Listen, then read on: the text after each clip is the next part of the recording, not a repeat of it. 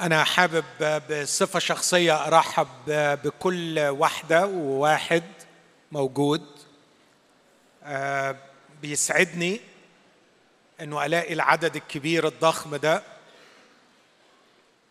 اللي جاي علشان يسمع آه، محاضرات في مواضيع صعبة في مواضيع بتستلزم قدر كبير من التفكير بيتعرض فيها كم كبير من المعلومات لكن آه، بعتبرها علامة مبشرة بالخير إنه شبابنا ابتدى يهتم بالأمور الفكرية اللي فيها صعوبة واللي يمكن ما كناش زمان بنناقشها.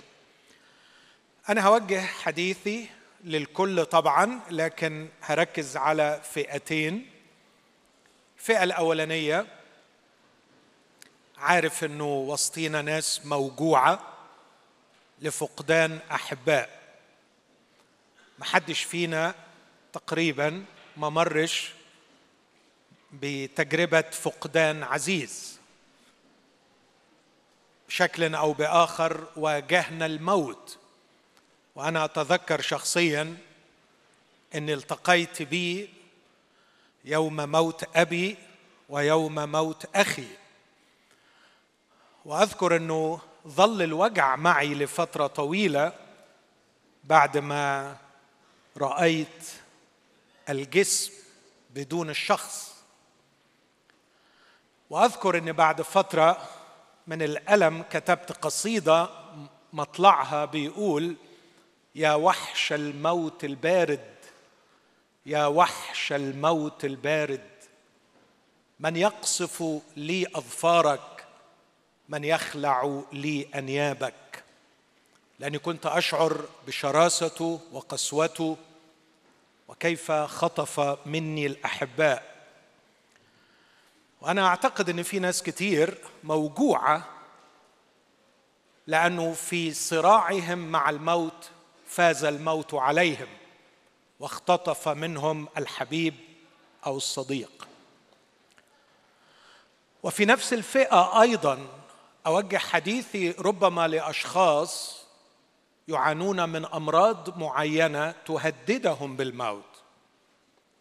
أصلي من أجلهم أن الرب يرحمهم ويحميهم لكن بلا شك إن مخاوف الموت تحيط بهم وعشان كده حابب إني أوجه رسالة ليهم. لكن الفئة الثانية اللي أوجه لها حديثي ربما غير متوجعين من فقدان أو مهددين بفقدان الحياة لكن عندهم مشكلة مع الحياة نفسها ويفكرون في الموت كحل. فالموت بالنسبة لهم خيار مطروح لأن الحياة فقدت معناها لأسباب مختلفة. وعلشان كده أنا حابب أتكلم عن الموت تحت هذا العنوان نظرة مسيحية للموت. وفي نظرتي المسيحية للموت حابب أتكلم عن شيئين وميز بينهم. حابب أتكلم عن موت الجسد وعن موت الإنسان. موت الجسد وموت الإنسان. القضية الأولى قضية إنسانية طبية موت الجسد. القضية الثانية قضية فلسفية أخلاقية موت الإنسان. وأعشم إنه من خلال حديثي عن موت الجسد أكون بتفاعل مع أصدقائي من الفئة الأولى اللي اتكلمت عنهم اللي عانوا من فقدان حبيب أو مهددين بالموت. وفي حديثي عن موت الإنسان أتكلم أكثر للفئة الثانية اللي عندهم مشكلة مش مع الموت لكن مع الحياة. هبدأ بموت الجسد ثم أنتقل إلى موت الإنسان.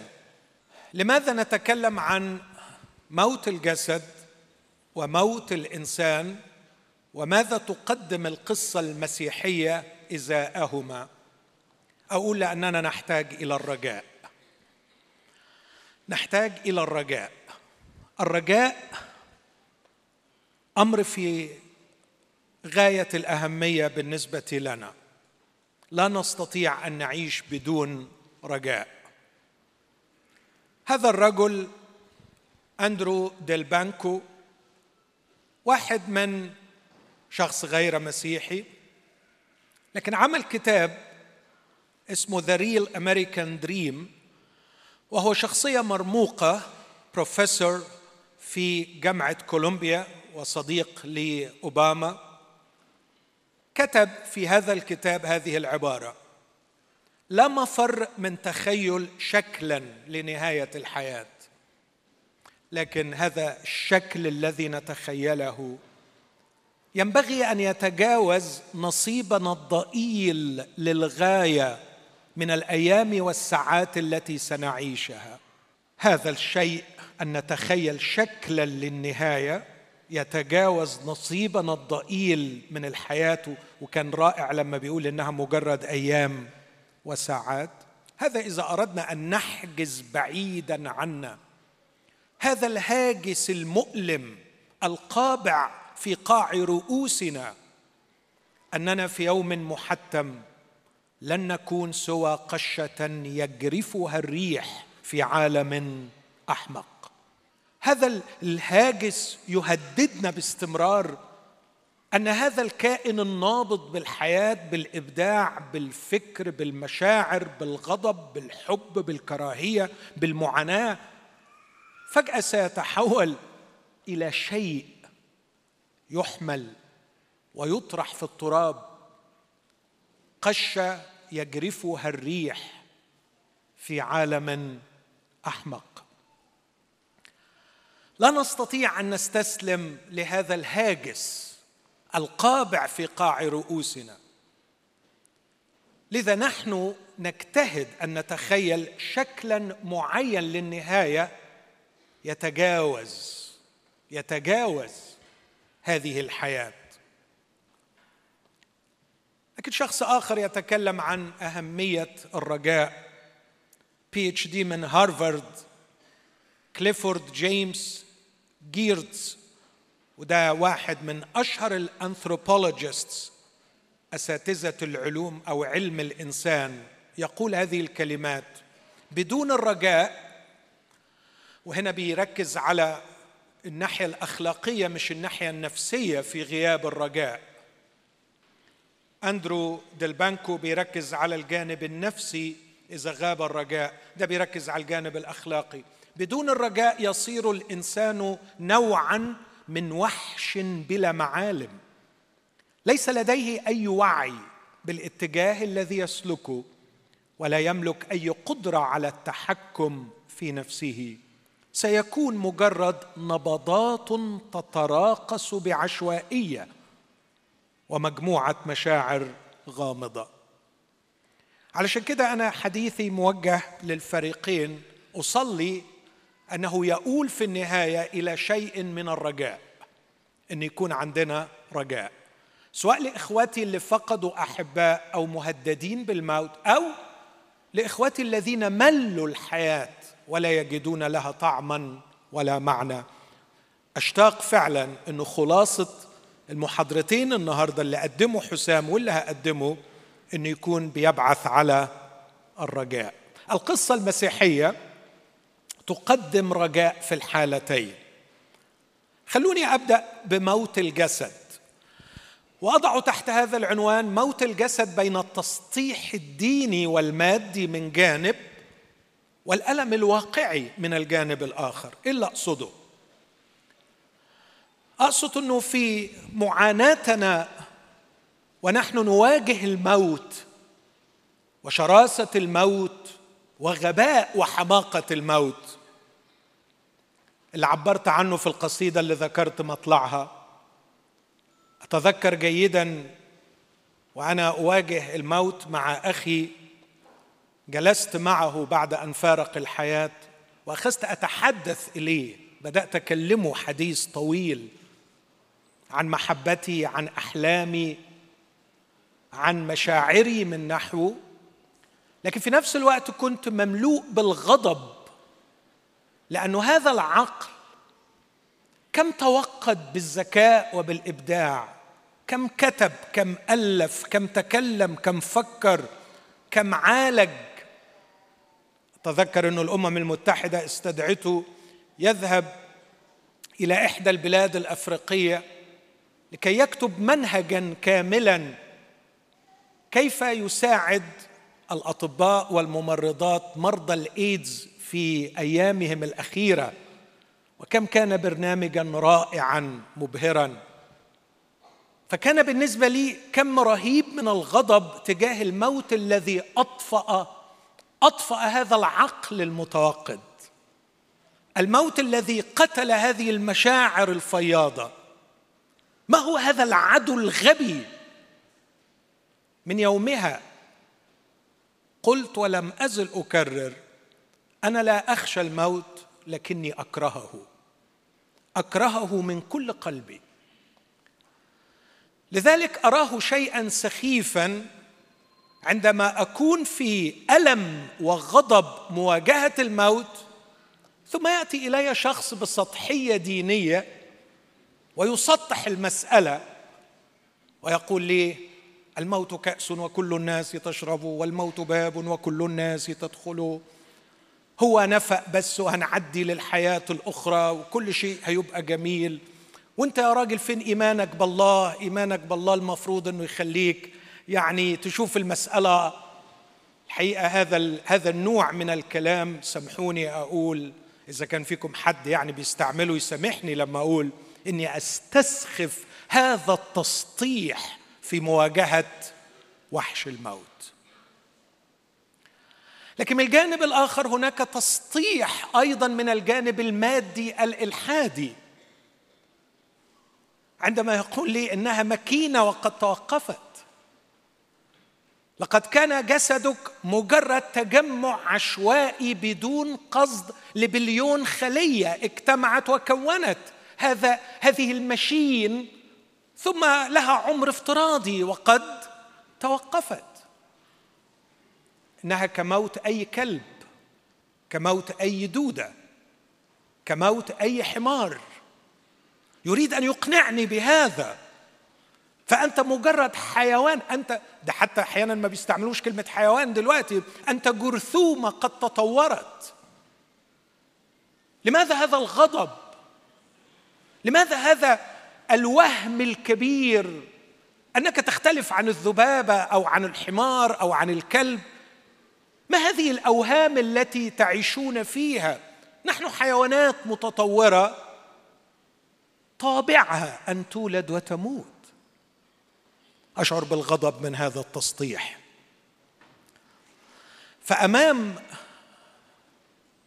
غباء الموت وقسوة الموت كيف ينتزع الإنسان من أحبائه؟ كيف يقطع؟ كيف يغيب؟ كيف يدمر؟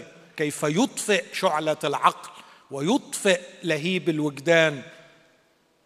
لا أقبل تسطيحا دينيا ولا أقبل تسطيحا الحاديا أو ماديا لكن يبقى للموت رعبه وغضبه وسخافته ويبقى أني كما قلت لا أخافه لكني أبغضه.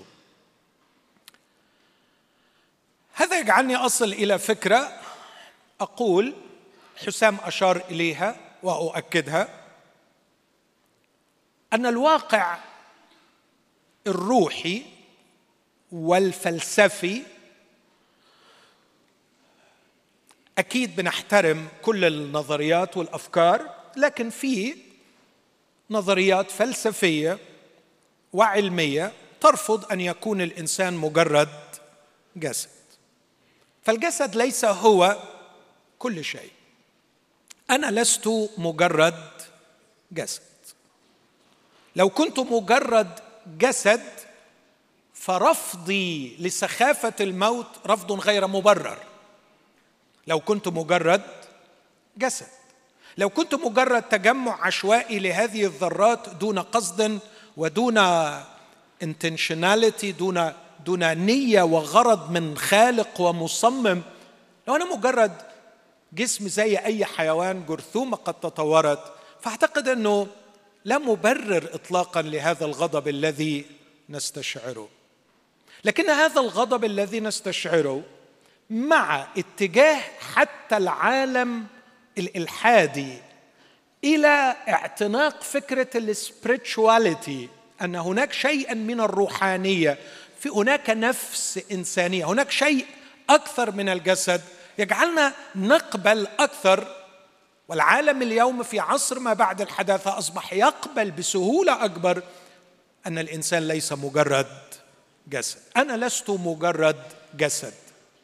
لكني أضيف وأقول أنا لست جسدي. أنا لست جسدي. I'm not just my body. أنا لست جسدي. لكن اسمعني.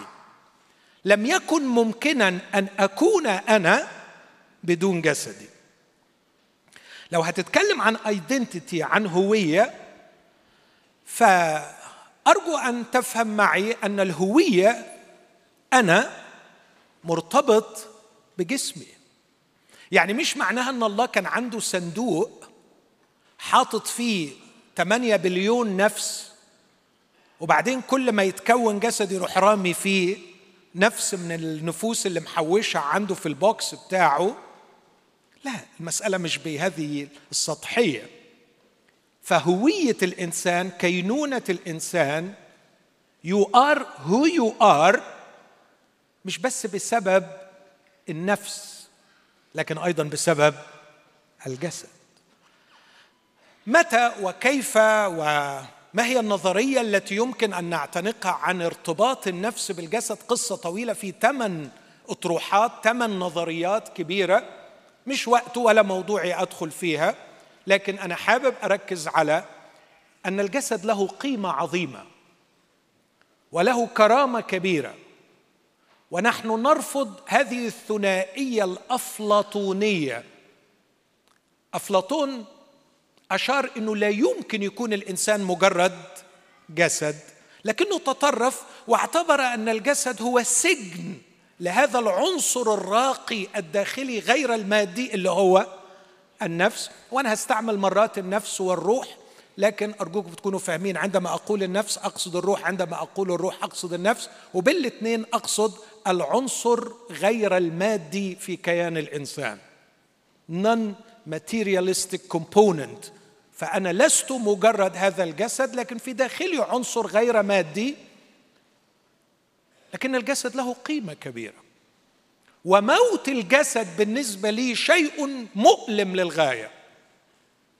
لأنه الجسد ليس سجن للروح. الجسد شريك في صنع هويتي. فأنا لست أنا بدون جسدي. ولهذا نؤمن مش عايز أقفز لكن عايز أقول إنه حتى الأرواح التي فارقت عالمنا وهي في الفردوس الآن تنتظر القيامة لكي يكتملوا. والكتاب يتكلم عنهم بأنهم سيكملوا عندما يأخذوا أجسادهم لأن الوضع ما يجعل الإنسان إنسانا هو أن يكون روح وأيضا جسد وليس مجرد روح. الجسد ليس هو كل شيء. نعم. الواقع يفرض علينا هذا. رفضنا للموت.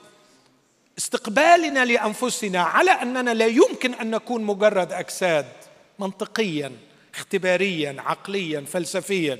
لكن كمان من جانب الثاني أنا لست جسدي. لكن لم يكن ممكنا أن أكون أنا بدون جسدي وأضيف. ولذا إن كان الله يريدني أنا أنا بالذات باسمي فالجسد حتمية. وإذا مات الجسد لابد أن الله يقيمه. الجسد حتمية. إذا كان الله خالق مش mass production مش ربنا كان عايز 8 بليون إنسان لكن عايز 8 بليون اسم. في فرق كبير. القصة المسيحية تتكلم عن أن الله لا يخلق عددا لكن يخلق أسماء. يقول مثلا دعوتك باسمك يقول يدعو خرافه الخاصه بأسماء فالهوية الشخصية مهمة عند الله. الله لا يجمع عددا. عشان كده في عبارة كنت أسمعها زمان ويكمل عدد الكنيسة. المسألة مش عدد لكن المسألة أسماء أشخاص لهم هوية خاصة. إذا كانت الهوية الشخصية يحددها أو شريك في صنعها الجسد فإذا الجسد حتمية وبالتالي لابد من القيامة. لكن كيف نحاجج لوجود النفس؟ كيف نحاجج لوجود هذا العنصر غير المادي في الإنسان. ده محتاج محاضرتين لوحده الموضوع ده. موضوع طويل وأوعدكم إن إحنا مرة نعمل آه، حاجة عن هذا الأمر لأنه في غاية الأهمية. كيف أحاجج إنه أنا لا يمكن أن أكون مجرد جسم؟ تحكمني ال neuroscience rules. تحكمني خلايا مخي. هل هناك إمكانية أنا أحاول أحاجج بأسرع وأقصر أسلوب؟ لكن ده موضوع أحتاج أو نحتاج نعمل فيه مؤتمر. كيف نحاجج لوجود النفس أو العنصر الغير مادي في الإنسان؟ هقول محاجة قصيرة من سبع نقط بسرعة شديدة. إذا آمنت بوجود الله فالله ليس مادي مظبوط؟ لأنه الله خلق العالم والكون عبارة عن مادة مش كده؟ وزمن. الكون عبارة عن المادة والزمن. فإذا كان الله خلق العالم فهو موجود قبل المادة وقبل الزمن اذا هو خارج المادة والزمن فلا يمكن أن يكون هو نفسه مادي. إذا قبلت إن في إله والإله ده روح.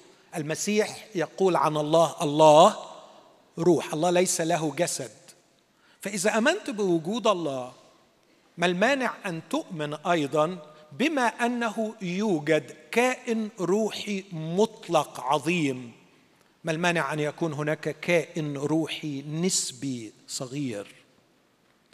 لكن أيضا لو أنت بتؤمن مش بس بوجود الله لكن لو أنت مسيحي وبتؤمن بقيامة المسيح وإحنا ممكن نعمل مؤتمر كامل نقدم محاجات عن وجود الله فنثبت فكريا ومنطقيا أن الله موجود. لكن كمان ممكن نعمل مؤتمر كامل نعمل محاجات نثبت تاريخيا وبأدلة تاريخية على أن المسيح قد قام. إذا آمنا أن المسيح مات وقام المسيح استودع جسده في القبر لمدة ثلاثة أيام ثم عاد وقام مش بجسد جديد لكن بنفس الجسد مش بإيكاء مختلف هو نفس الشخص روحه عادت إلى جسده وقام به.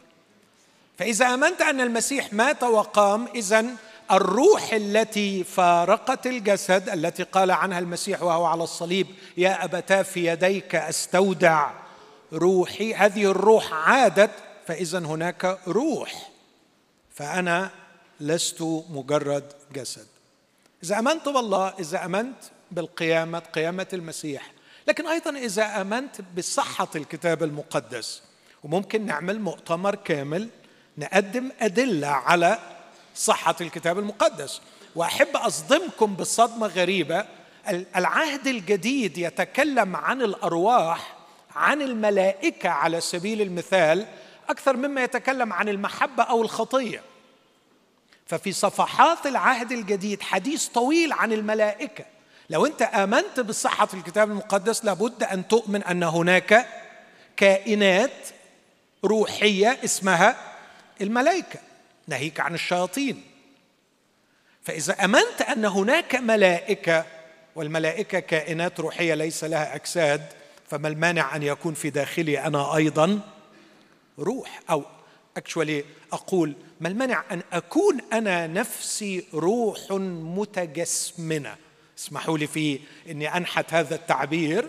متجسمنة يعني لها جسم لأني مش عايز أستعمل متجسدة لأحتفظ بكلمة التجسد لوضعها الصحيح. دول ثلاث أدلة. إذا آمنت بوجود الله إذا آمنت بقيامة المسيح إذا آمنت بصحة الكتاب المقدس أعتقد من يسهل علي أن أؤمن أني لست مجرد جسد.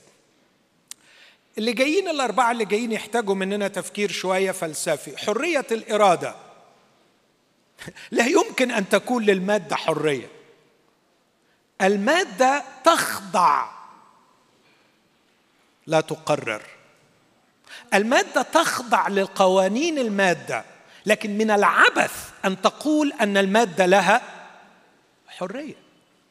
مادة ما, ما تقدرش تقرر شيء تقدرش تختار المادة شيء.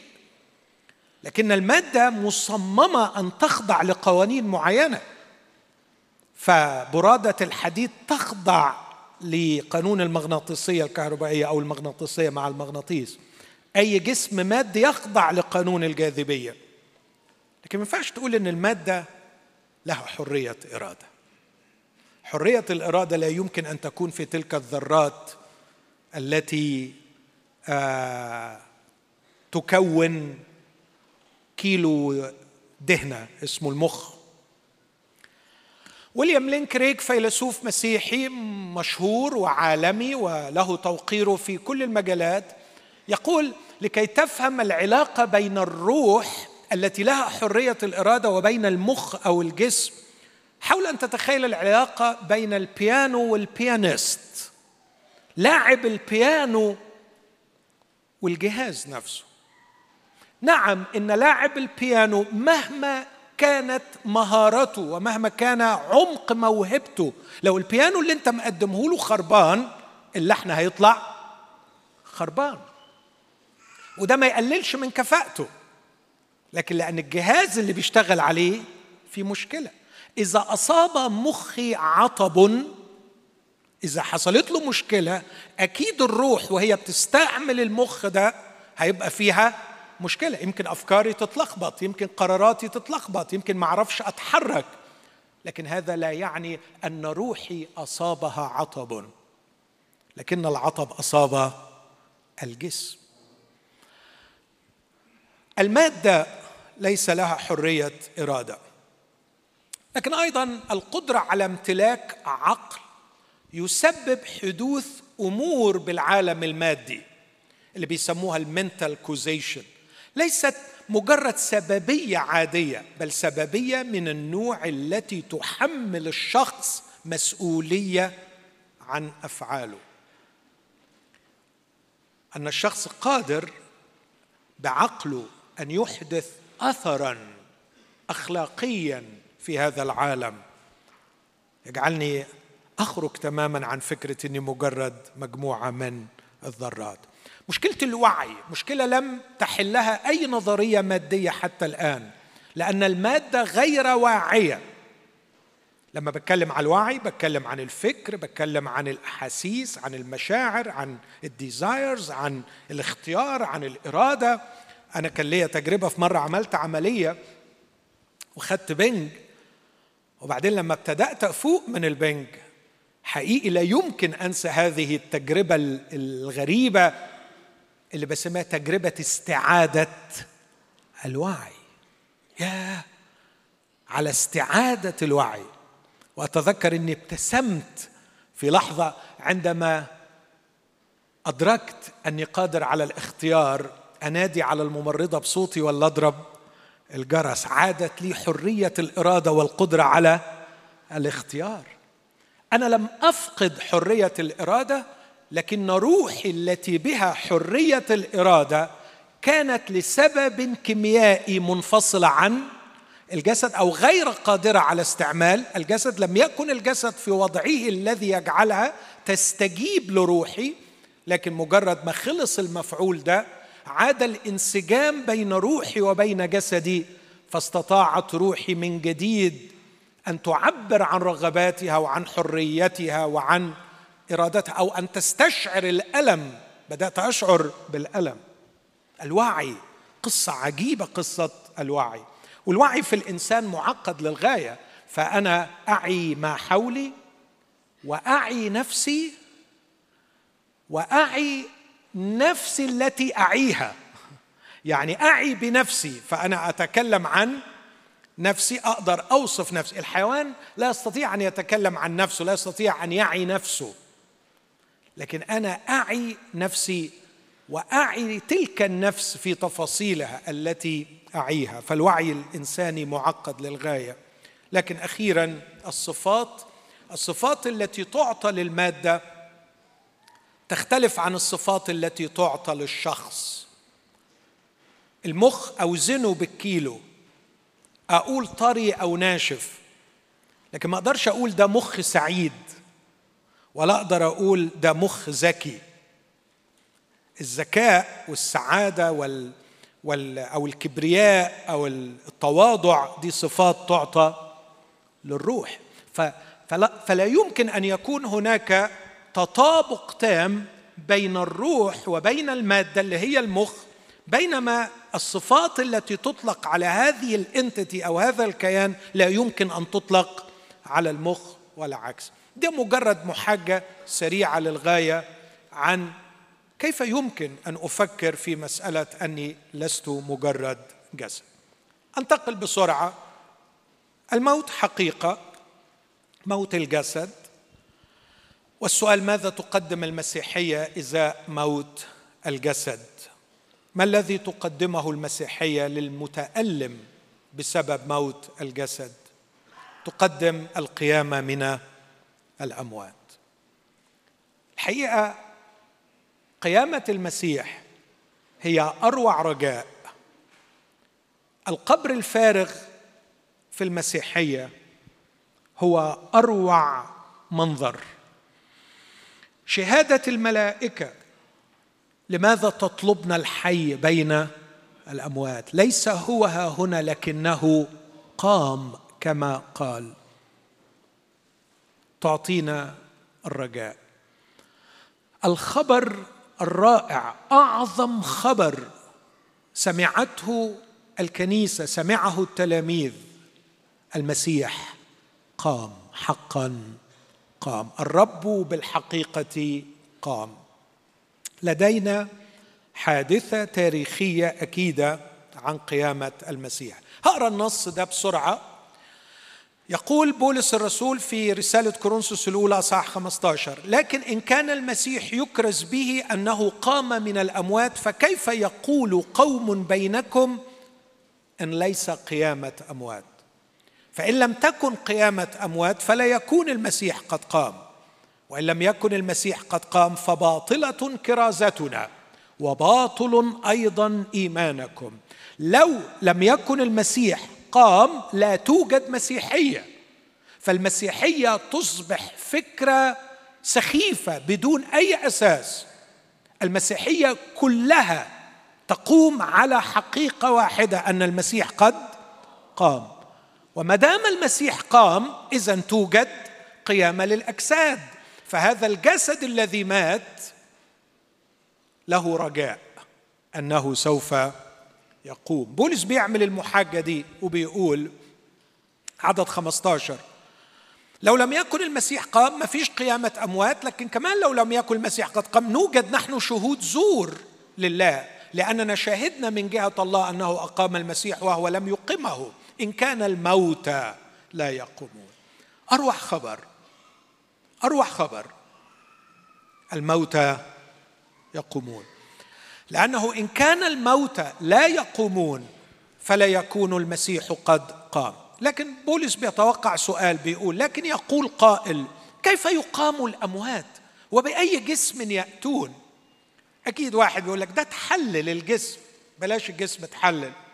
واحد مات في البحر ورموه ورموه من المركب والسمك كل الجثه أو الجثة تعفنت وتحللت. وبعدين واحد صياد صاد السمكة وأكلها ومات. خلاص يعني كلام بالنسبة لبعض الناس إنه من السخف إنه تقول لي إنه الجسم اللي اتحلل ده ممكن يقوم. الرسول رد رد من الطبيعة وأنا ممكن أرد رد تاني دلوقتي من الواقع بتاعنا. الرسول بيقول الذي تزرعه لما أخذ المثل من الزراعة. بص التعبير الجميل ده. لا يحيى إن لم يمت. إحنا لما بنبقى عندنا حبة الحنطة ولا البذرة وبنروح نحطها في الأرض إحنا بنعمل فيها إيه الحقيقة؟ بنموتها وبندفنها بس بنموتها وبندفنها وإحنا متأكدين إنها هتطلع تاني. والغريب إنها لما بتطلع ما بتطلعش اطلاقا زي ما اتحطت لكن بتطلع بمنظر تاني. طب المنظر التاني ده جابته منين؟ كل المعلومات الخاصة بشجرة التفاح العظيمة بكل الألوان والروائح والطعم وكمية السوائل وكمية ال fibers اللي فيها كل المعلومات الخاصة بيها كانت مزروعة جوه الشيبس الصغيرة دي اللي هي البذرة. في DNA جوه. ربنا عمل التصميم ده. فبولس بيقول من الزراعة يا جماعة نستطيع أن نتصور منطقية القيامة وبيقول الذي تزرعه لا يحيى إن لم يمت والذي تزرعه لست تزرع الجسم الذي سوف يصير بل حبة مجردة ربما من حنطة أو أحد البواقي ولكن الله. آه لو ما فيش الله الحقيقة يبقى غباء أن نؤمن بالقيامة. لكن الرسول بيقول حتى في الزراعة الله يعطيها جسما كما أراد.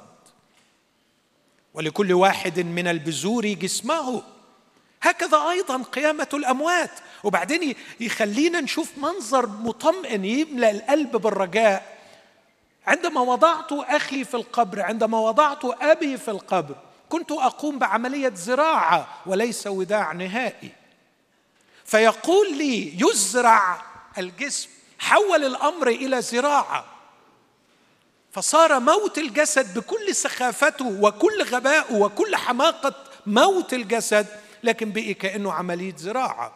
فيقول يزرع في فساد كوربتبل يعني قابل للتحلل لكن يقام في عدم فساد. يزرع في هوان آه من منظر الجسد لما بيموت. هوان فعلا. ارفع إيده وسيبها تلاقيها لا قوة لا كرامة. يوضع في التراب يوضع في التراب. صديق عزيز ليا رقد والده من فترة بسيطة. لما رحت أعزيه فتح لي قلبه وبيقول لي ما كنتش أتحمل أي أي شك فيه. وكان أبوه فعلا راجل brilliant mind وعقل جبار. فبيقول لي وضعت بيدي في التراب. يزرع في هوان. بس ال ال ال الرسول بيقول يا جماعة ده مش النهاية لكن النهاية إنه في قيامة وسيقام فيه مجد glory مجد. ما نوع المجد؟ هنا مجد مادي وليس مجد روحي لكن مجد مادي مجد للبادي نفسه مجد للجسد. معرفش هيبقى شكله إيه. لكن بيقول لنا إنه هيبقى جسد مجيد جسد رائع. يزرع في ضعف يقام في قوة. يزرع جسما بص الروعة هنا حيوانيا ويقام جسما روحانيا. عندما يقول لي أحد البيولوجيين الكبار أن الفارق الجيني بيني وبين الشمبانزي أقل من واحد في المية هذا لا يزعجني. لأن الذي صمم جسد الحيوان هو نفس المصمم الذي صمم جسدي. فنفس المصمم فما المانع أن تتشابه الخريطة الجينية ويتشابه جسدي مع جسد الحيوان لكن القضية الكبرى أني لست مجرد جسد وده اللي حاججت من أجله. فأنا ما عنديش مشكلة ابدا إن حد يقنعني ان انه إنه جسمي يتشابه مع جسم الحيوان لأن الكتاب المقدس سبق وأعلن وقال إنه الجسم ده جسم حيواني وده مش عيب. لماذا جسم حيواني؟ لأنه أنا والحيوانات في أج... أنا أنا في جسدي والحيوانات أخذنا من الأرض. ما عنديش مانع نسميها ماذر ايرث ما فيش مشكلة. لأن الرب جبل الحيوانات من الأرض وأخذ جسدي أنا أيضا من الأرض لكني لست مجرد جسد. فأنا هذا الكائن الذي يتراوح وجوده بين الروح والمادي بين البايوس واللوجوس ما هو حيوي وما هو عقلي. أنا هذا الكائن القادر على التواصل بروحه مع الكائنات الروحية ولا سيما مع الله الكائن الروحي المطلق الأعظم. وأتعامل أيضا مع المادة والطبيعة والحيوانات على الأرض. كائن غريب كائن عجيب مخلوق على صورة الله من جهة روحه ومخلوق بجسم حيواني ليتناغم مع الطبيعة ولأنه جزء من هذه الطبيعة. فما فيش مشكلة ابدا أن يكون الجسم جسما حيوانيا. لكن الرسول يختم القصة والمحاجة بتاعته في كورنثوس الأولى 15 من جهة موت الجسد ويقول بما أن المسيح قام اسمعوا هذا الخبر هو ذا سر أقوله لكم لا نرقد كلنا. في لحظة مجيء المسيح عندما يأتي سيكون هناك من أولاد الله من لم يموتوا وهناك من ماتوا. فلن يموت الجسد عند كل أولاد الله لكن يقول في لحظة في طرفة عين يعني دي باليوناني أتوم يعني في أقل شيء من الوقت عند البوق الأخير فإنه سيبوق تعبير شعري فيقام الأموات عديم فساد ونحن نتغير. لأن هذا الفاسد الذي تحلل لابد أن يلبس عدم فساد وهذا المائت أي البادي اللي أنا فيه اللي بيماشي في عملية الموت فبيسميه المائت لأنه كل يوم ملايين الخلايا بتموت. هذا المائت يلبس عدم موت. ومتى لبس هذا الفاسد عدم فساد ولبس هذا المائت عدم موت. فحينئذ تصير الكلمة المكتوبة ابتلع الموت إلى غلبة. وفريقي المؤمنين هيرنموا ترنيمة مزدوجة. فريق يقول أين شوكتك يا موت؟ من لم يقوى عليهم الموت. والفريق الآخر الذي مات وروحه ذهبت إلى الهاوية بمعنى إلى مكان الأرواح. هنا مش بمعنى العذاب إلى مكان الأرواح. سيقول أين غلبتك يا هاوية؟ إنك احتفظت بالأرواح لفترة مؤقتة لكنك لم تستطيعي أن تحتفظي بها إلى الأبد بعيدا عن الأجساد. فالموت لم يقوى على جسدي والهاوية لم تقوى على الاحتفاظ بروحي بعيدة عن جسدي. هذه هي نصرة القيامة. نصرة القيامة إنها تقيم الجسد وتعيد الروح إلى نفس الجسد ليعود ماهر ليعود الإنسان بالايدنتيتي بالهوية التي يريد بها الرب. فتكون الأغنية أغنية الانتصار أين شوكتك يا موت؟ أين غلبتك يا هاوية؟ بعدين يشرح المصيبة. هو جه منين الموت ده؟ وده موضوع كبير. أما شوكة الموت فهي الخطية. وقوة الخطية هي الناموس. ولكن شكرا لله الذي يعطينا الغلبه بربنا يسوع المسيح. وبناء عليه بسبب يقيننا في القيامة يا إخوتي الاحباء كونوا راسخين غير متزعزعين مكثرين في عمل الرب كل حين عالمين أن تعبكم ليس باطلا في الرب. عايز أقول بعض الضمانات وأختم حديثي في موت الجسد. أيها المتألم من موت الجسد عند الأحباء أو خائف من موت الجسد أقدم ليك سبع ضمانات بسرعة شديدة لن تغير مشاعرك من ناحية الموت بإنك تكرهه لكن على الأقل تعطيك رؤية جديدة له فلا تخافوا ضمانة الأولى اللي أقدمها أن موت الجسد لا يؤثر على النفس بمعنى لا يميت النفس. موت الجسد لا يعني موت النفس ببساطة. المسيح يقول في متى 10 28 ولا تخافوا من الذين يقتلون الجسد ولكن النفس لا يقدرون أن يقتلوها. يبقى إذا من الممكن أن يقتل الجسد وتظل النفس حية فموت الجسد لا يعني نهايتي. الأمر الثاني الضمان بأن موت الجسد لن يحدث على حساب الرسالة. لن أموت قبل أن أتمم رسالتي. أعمال 12 يعقوب قطعت رأسه. بطرس سجن من نفس الشخص في نفس السجن لنفس الغرض وكان ناوي يقطع راسه لكنه ما قدرش لأن الله متحكم يمنع الموت قبل إتمام الرسالة. وده اللي يعزيني لماذا رقد أخي؟ لأنه رسالته قد انتهت.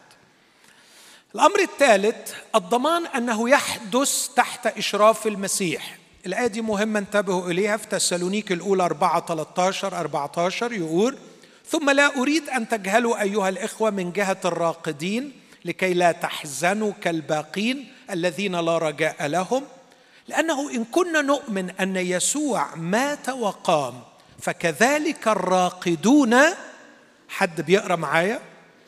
بيسوع مش في يسوع. إني أؤمن أن يسوع يشرف بنفسه على رقاد أولاد الله فبيكون حاضر فيرقد في حضرته. وأعتقد إنه عندنا حادثة تاريخية بتؤكد الفكرة دي. لما إستفانوس كان عتيد أن يقتل قتل تحت إشراف المسيح ففتح عينيه رأى يسوع قائما عن يمين الله. فأنا أؤمن إنه في لحظة رقاد المؤمن يسوع نفسه بيحضر ويشرف على هذه العملية. الأمر الرابع أنه يحدث في ظل حماية وإكرام ملائكي.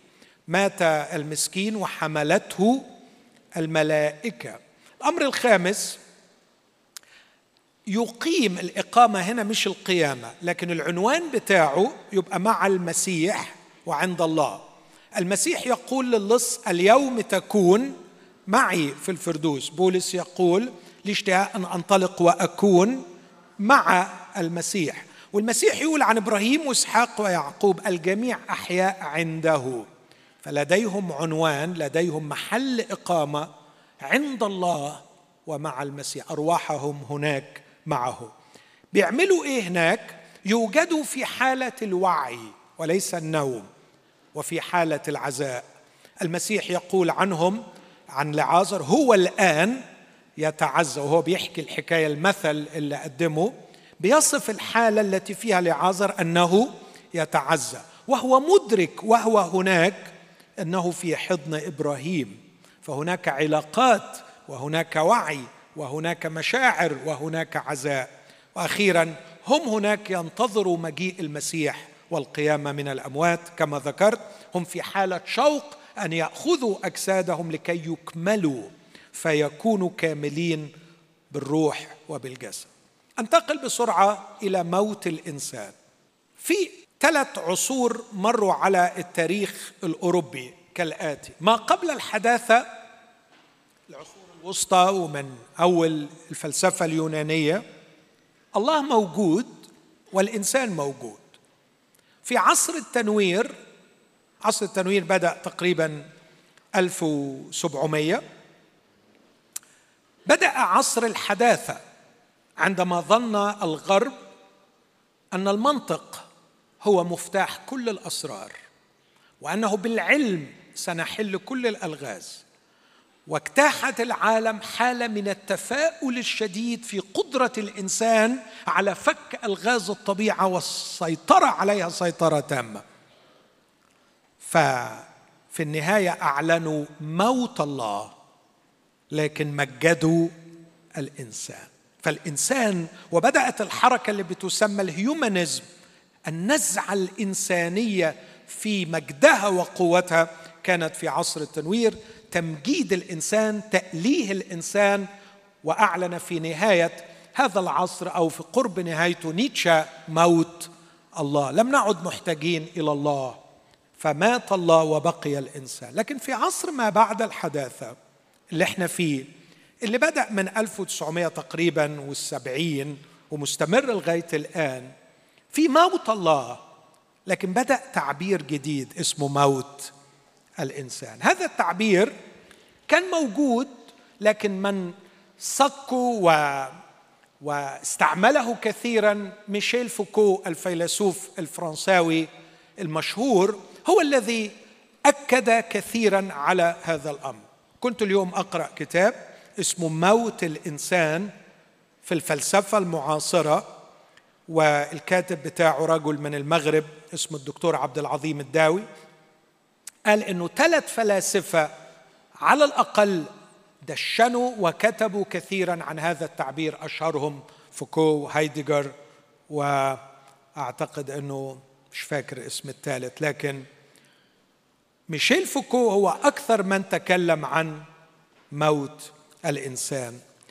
إيه اللي يقصدوه بموت الإنسان؟ الحقيقة بيقصدوا حاجات كتير. اسمع مثلا كلام فوكو يقول النزعة الإنسانية اللي هي بتتكلم عن الإنسان وعظمة الإنسان ووجود الإنسان هي أثقل ميراث انحدر إلينا من القرن التاسع عشر.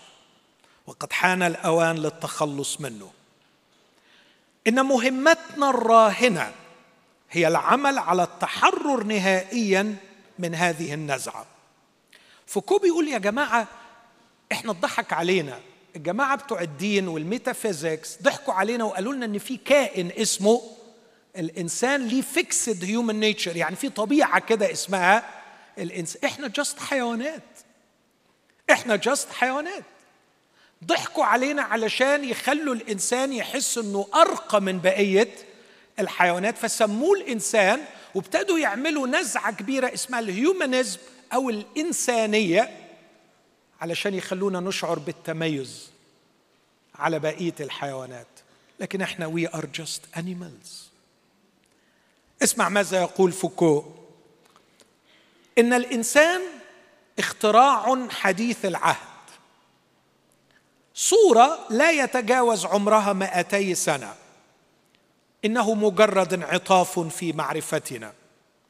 وسيختفي عندما تتخذ المعرفة شكلا آخر جديدا. مفهوم موت الإنسان عند فوكو اللي كاتب الكلام ده دكتور سعيد العنيزي في آه، مجلة اسمها التجديد العربي. لما بيوصف الإنسان واحد تاني فرنساوي اسمه فيليب هودارد يقول ليس الإنسان في حقيقة الأمر إلا حيوانا سلبيا ومنفعلا عاجزا إنه كائن غارق في عالم لم يختره ولم تكن له يد في صنعه وهو على الدوام أسير لوضعيته المشروطة بحتميات متعددة تحدد كل ما يتخيله أنه من اختياراته. اسمع العبارة دي. إنه طيف عابر في عالم معادي ويغمره كليا. هذا الموقف الفلسفي يعلن عن موت الإنسان باسم ضرورة. الضرورة هي ضروره التمرد والتحرر من جميع الأوهام بما فيها وهم الإنسان الإنساني. أي الإنسان الواعي الفاعل المسؤول المبدع. بيقول في الآخر لا شيء حسب هذا الموقف يعد أكثر مدعاة للسخرية والشفقة من التفكير بالقيم والاهتمام بالذات الذي يصدر عن كائن متناه. يعلم علم اليقين أنه وجد من أجل أن يموت. وجد من أجل أن يموت. رفضت ما بعد الحداثة فكرة الإنسان. لا يوجد الإنسان. من هو الإنسان وما معنى موته؟ إذا كان باستطاعتنا أن نفسر الحياة البيولوجية الصرفة على افتراض أن ثمة مبدأ علميا أو مبادئ علمية تتكفل بتفسيرها فهل نكون بذلك قد فسرنا حياة ذلك الكائن الحضاري؟ ده بقى الموقف المعاكس دكتور زكريا إبراهيم. لكن مين هو الإنسان؟ شفت حتة النهارده من فيلم Batman Begins أكيد معظمكم شافوا Batman Begins بروس بيقول لريتشل هذه العبارة ما ترينه من الخارج ليس ما أكونه. إنني من الداخل أكثر جدا مما ترين. ردت عليه ريتشل وقالت له لكن ليس ما تكونه من الداخل بل ما تفعله من الخارج هو ما يجعلك أنت. من هو الإنسان؟ هل فعلا في حاجة اسمها الإنسان أرقى من مجرد الجسد وتجعله أرقى من الحيوانات؟ هرجع للسؤال ده أجاوب عليه مين هو الإنسان لكن بعد ما أقول إن موت الإنسان ليس مجرد فلسفة لكنه حقيقة وليست فلسفة. وهنا أرى المسيحية تتفق تماما مع البوست مودرنزم من من جهة فكرة موت الإنسان. وإن كان في اختلاف في المنظور. كلاهما يقول أن الإنسان مات إحنا مش لاقيين الإنسان بس الأسباب اللي عند البوست مودرنزم تختلف عن الأسباب اللي عند المسيحية. موت الإنسان إعلان مسيحي قديم وأساسي. اسمع العبارات دي. المسيح يقول قال لآخر اتبعني. فقال يا سيد ائذن لي أن أمضي اولا وأدفن أبي. فقال له يسوع دع الموتى يدفنون موتاهم. المسيح كان يتكلم عن الناس اللي رايحين يدفنوا واحد على أنهم أناس موتى. فالمسيح يتكلم عن موت الإنسان لكن بمفهوم يختلف عن مفهوم ما بعد الحداث خليني أشرحه باختصار شديد. بصوا أحبائي لما أقول نهر النيل إيه اللي بيجيبه لذهنك؟ نهر النيل. أكيد حاجات كتير. بس ما تجيش تقول لي نهر النيل هو مجرد تجمع ضخم لجزيئات الماء. لأنه برضو نهر الفرات مجرد تجمع ضخم لجزيئات الماء. فالايدنتيتي لا تتوقف على التركيب. لكن نهر النيل يشق جغرافيا معينة ويأتي من هضبة معينة ويسير بين ضفتين معينتين ويحمل ربما طمي من نوع معين وتجري في أحياء معينة ويشرب منه ناس معينين. بل أقدر أقول إن نهر النيل نفسه هذا التجمع المهول من جزيئات الماء في لحظة يختلف بين لحظة وأخرى. فلو نهر النيل هو تجمع جزيئات الماء فكل شوية أنا عندي نهر نيل مختلف لأنه بعد عشر دقائق المية كلها مشيت والمية اللي موجودة مختلفة. لكن نهر النيل قبل أن يكون تجمع جزيئات ماء هو مجموعة ضخمة من العلاقات. علاقات. يمكن المثل ده ما يكونش قوي قوي لكن أنتقل بسرعة للإنسان. من هو الإنسان؟ هو كائن. صمم من الله أن تتفجر إنسانيته وتظهر طبيعته ويعلن من يكون من خلال علاقة حتمية وأساسية مع الله. مع الله. إذا لم يكون في هذه العلاقة مع الله لن تجد إنسان. أتمنى أن الفكرة دي تكون واضحة بستعمل تشبيه دايما يمكن يوصلها. بقول نظرت الأرض إلى خضرتها وزرقه بحارها وشموخ جبالها وقالت إني معجبة بنفسي لا يضايقني إلا دوراني المستمر حول الشمس. وأعطتها الشمس حريتها فانفكت من علاقتها مع الشمس. لم تخسر تركيبتها لكن لو حبيت توصف حال الأرض بعد انفصالها عن الشمس في كلمة واحدة تقول موت. مظبوط؟ لقد ماتت. لأن الأرض أرض. تدب فيها الحياة وتستمتع بالبحار والجبال والمحيطات. ليس بسبب التركيبة لكن بسبب العلاقة. الأرض أرض. تأخذ هويتها من علاقتها بالشمس. وإذا كسرت علاقتها بالشمس يمكنك أن تتكلم عن تجمع هائل من الذرات لكن لا تستطيع أن تتكلم عن كوكب مأهول يصلح للحياة اسمه الأرض. أنا كائن مهيأ لأكون نابض بالحياة الإنسانية. تتفجر إنسانيتي وتخرج. تفيض ثمرا للآخر. تخرج فرحة لقلب الله. تستوعب ليس فقط عطاء الله بل تستوعب سكن الله شخصيا.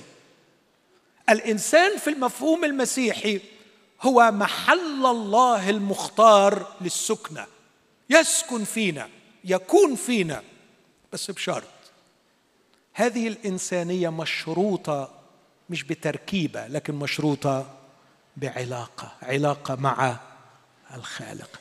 عندما قطعت هذه العلاقة. قال له موتا تموت. ويأتي المسيح بعد آلاف السنين يقول دع الموتى يدفنون موتاهم. ويقول تأتي ساعة وهي الآن حين يسمع الأموات صوت ابن الله. عشان كده أنا بوجه رسالة لكل واحد. قادر يحس معايا شوية بفكرة موت الإنسان. موت الإنسان ثقافة ما بعد الحداثة كانت على حق عندما رصدت تصرفات الإنسان واقع الإنسان وقالت هو فين الإنسان؟ إحنا شايفين حيوان بتمشي الغرائز بتاعته. فين الإنسان؟ لو أنت شايف إنه ما فيش إنسان أنت شايف صح. إمبارح كنت بتفرج على برنامج أنا وابني والبرنامج طلع يعمل آه، حوار مع الناس في الشارع. فبيسأل الناس فببص على ابني كده وأنا فعلا مشمئز من الأجوبة اللي الناس بتقولها.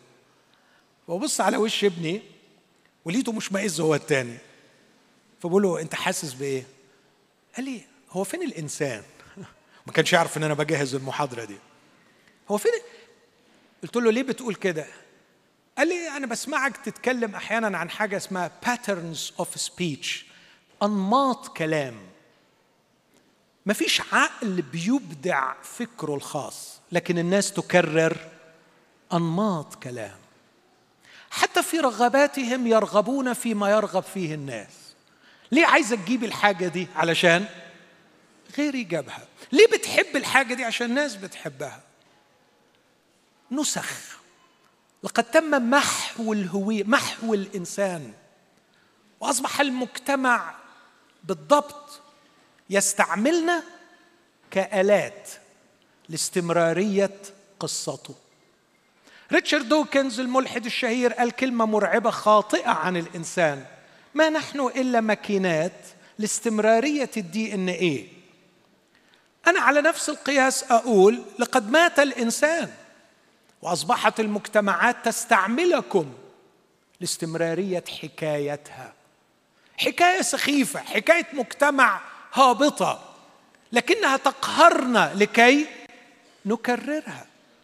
بينما المقصود إنه الإنسان يكون حر ويكون قادر ان تكون ليه حكايته من خلال علاقته مع الله. يفجر هويتي ويفجر إنسانيتي. كثير أقول ان الخلاص في المسيح يسوع هو أن المسيح يسوع يدعوك ويدعوك للتصالح مع الله ليدخلك في علاقة مع الله عشان حاجة واحدة. لتكون إنسانا ولتكون نفسك. لأنه بدون العلاقة مع الله مات الإنسان ومات تفردك. لن تكون إنسانا ولن تكون نفسك. مع تحفظ ما أقصد بالعلاقة مع الله ليست العلاقة مع المقدسات لكن العلاقة مع القدوس. ليست العلاقة مع الفروض الدين ليست العلاقة مع الدين لكن العلاقة مع الله. في ناس كتير قوي يتعمقون في موت الإنسان من خلال مزيد من التدين. سقراط قال اعرف نفسك. أغسطينوس قال لن تعرف الله إذا لم تعرف نفسك. كالفن قال لن تعرف نفسك إذا لم تعرف الله. كارل بارت قال لن تعرف الله ولن تعرف نفسك إذا لم تعرف يسوع المسيح. وأنا أنصح كل واحد أن يقرأ حياة هذا الشخص. لأنه الشخص ده هو الوحيد اللي 81 مرة سمى نفسه ابن الإنسان. فأرجع للسؤال من هو الإنسان؟ حاول تتعرف على الإنسان في شخص يسوع المسيح. هختم بعبارة كتبتها من فترة قريبة عن الله وقلت إنه يحب ولذا ينبغي أن يعرف. فيش حد بيحب ما يحبش إنه يتعرف. على الأقل يتعرف عند اللي بيحبه مش كده؟ ولكي يعرف ينبغي أن يتكشف. فكيف؟ كيف يتكشف الله؟ لكي نستقبل محبته لكي نعرفه. كيف؟ بقول إن الكلام مهما عظمت بلاغته يعجز عن وصفه. والفعل ولو كان الخلق لا يكفي لكشفه. كان لابد من شخص من إنسان. وهنا أشرح ما هو الإنسان فأقول إرادة وعقل ووجدان. وأشرح الإرادة والعقل والوجدان فأقول سلوك وشعور وفكر. وأشرح الإرادة فأقول سلوك رحمة وشفاء وخير. والوجدان دمعة وبسمة وحضن. والعقل منطق وحجة وبرهان. وقد كان. اقرأ حياة المسيح تجد الإنسان. تجد الإرادة والعقل والوجدان. تجد أنه جال يصنع الخير. تجد أنه بكى مع المتألم جأر غاضبا أمام الموت حزن وتألم. وأيضا احتضن الأطفال. لكن أيضا من أروع ما كشفه روعة العقل عندما يقدم البرهان في حواراته ومحاجاته مع اليهود. لقد تكشف الله في شخص شخص كامل بلا عيب في ابن. الإنسان. هذا هو الإنسان كما يريده الله. لقد مات وثقافة ما بعد الحداثة أو فلسفة ما بعد الحداثة تقر بأن الإنسان مات والمسيح يقر بأن الإنسان مات لكن يوجد رجاء. الرجاء هو عودة الإنسان للعلاقة مع الله. لأن الإنسانية جوهرها ليس من أسفل في التراب. الجسد من التراب. لكن جوهر الإنسانية موجود في اللوجوس. وعندما يعود الإنسان للعلاقة مع الله تتدفق الإنسانية من اللوجوس إلى كيان الإنسان فيعود الإنسان انسانا. والخبر الرائع أن اللوجوس نفسه الذي هو مصدر الإنسانية في ملء الزمان صار بشرا وحل بيننا. في يسوع المسيح نستطيع أن نرى الإنسان ومن خلال المصالحة التي يجريها يسوع المسيح مع الله يرجعك تكون إنسان. شكرا لكم